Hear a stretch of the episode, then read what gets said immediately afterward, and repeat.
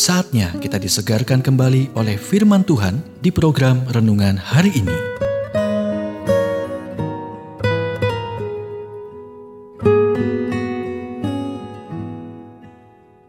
Renungan hari ini berjudul Pencobaan.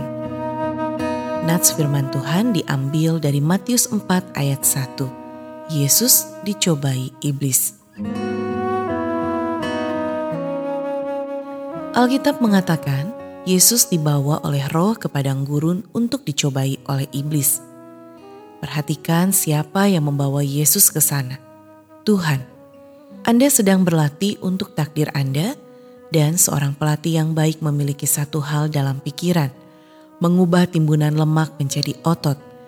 Jadi dia membawa Anda ke gym dan menambah beban sampai Anda berkeringat dan mulai berpikir, saya tidak tahu berapa banyak lagi beban yang bisa saya tanggung, tapi Tuhan tahu.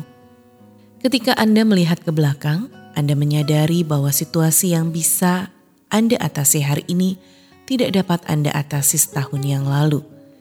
Terkadang godaan lama akan kembali untuk membalas dendam. Mereka akan memburu Anda sampai Anda merasa butuh strategi baru yang cepat. Seperti bangsa Israel di Laut Merah, Tepat ketika mereka mengira mereka akhirnya bebas dari perbudakan, datanglah Firaun.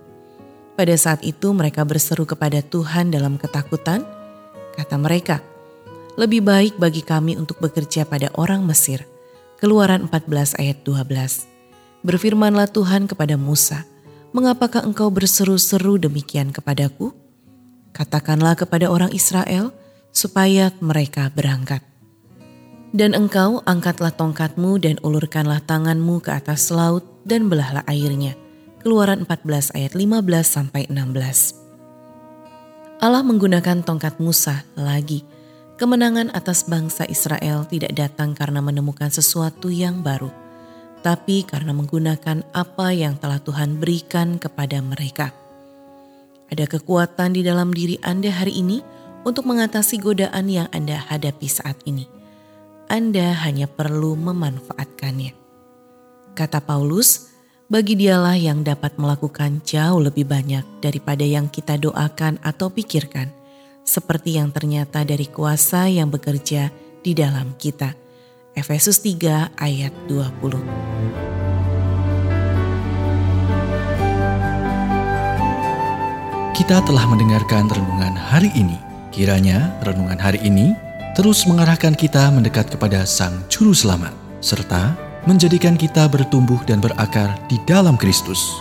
Renungan hari ini tersedia dalam bentuk buku maupun digital dan bisa Anda miliki dengan menghubungi Japri di WhatsApp 0812 8784 7210 atau email ke infoapripusat@gmail.com.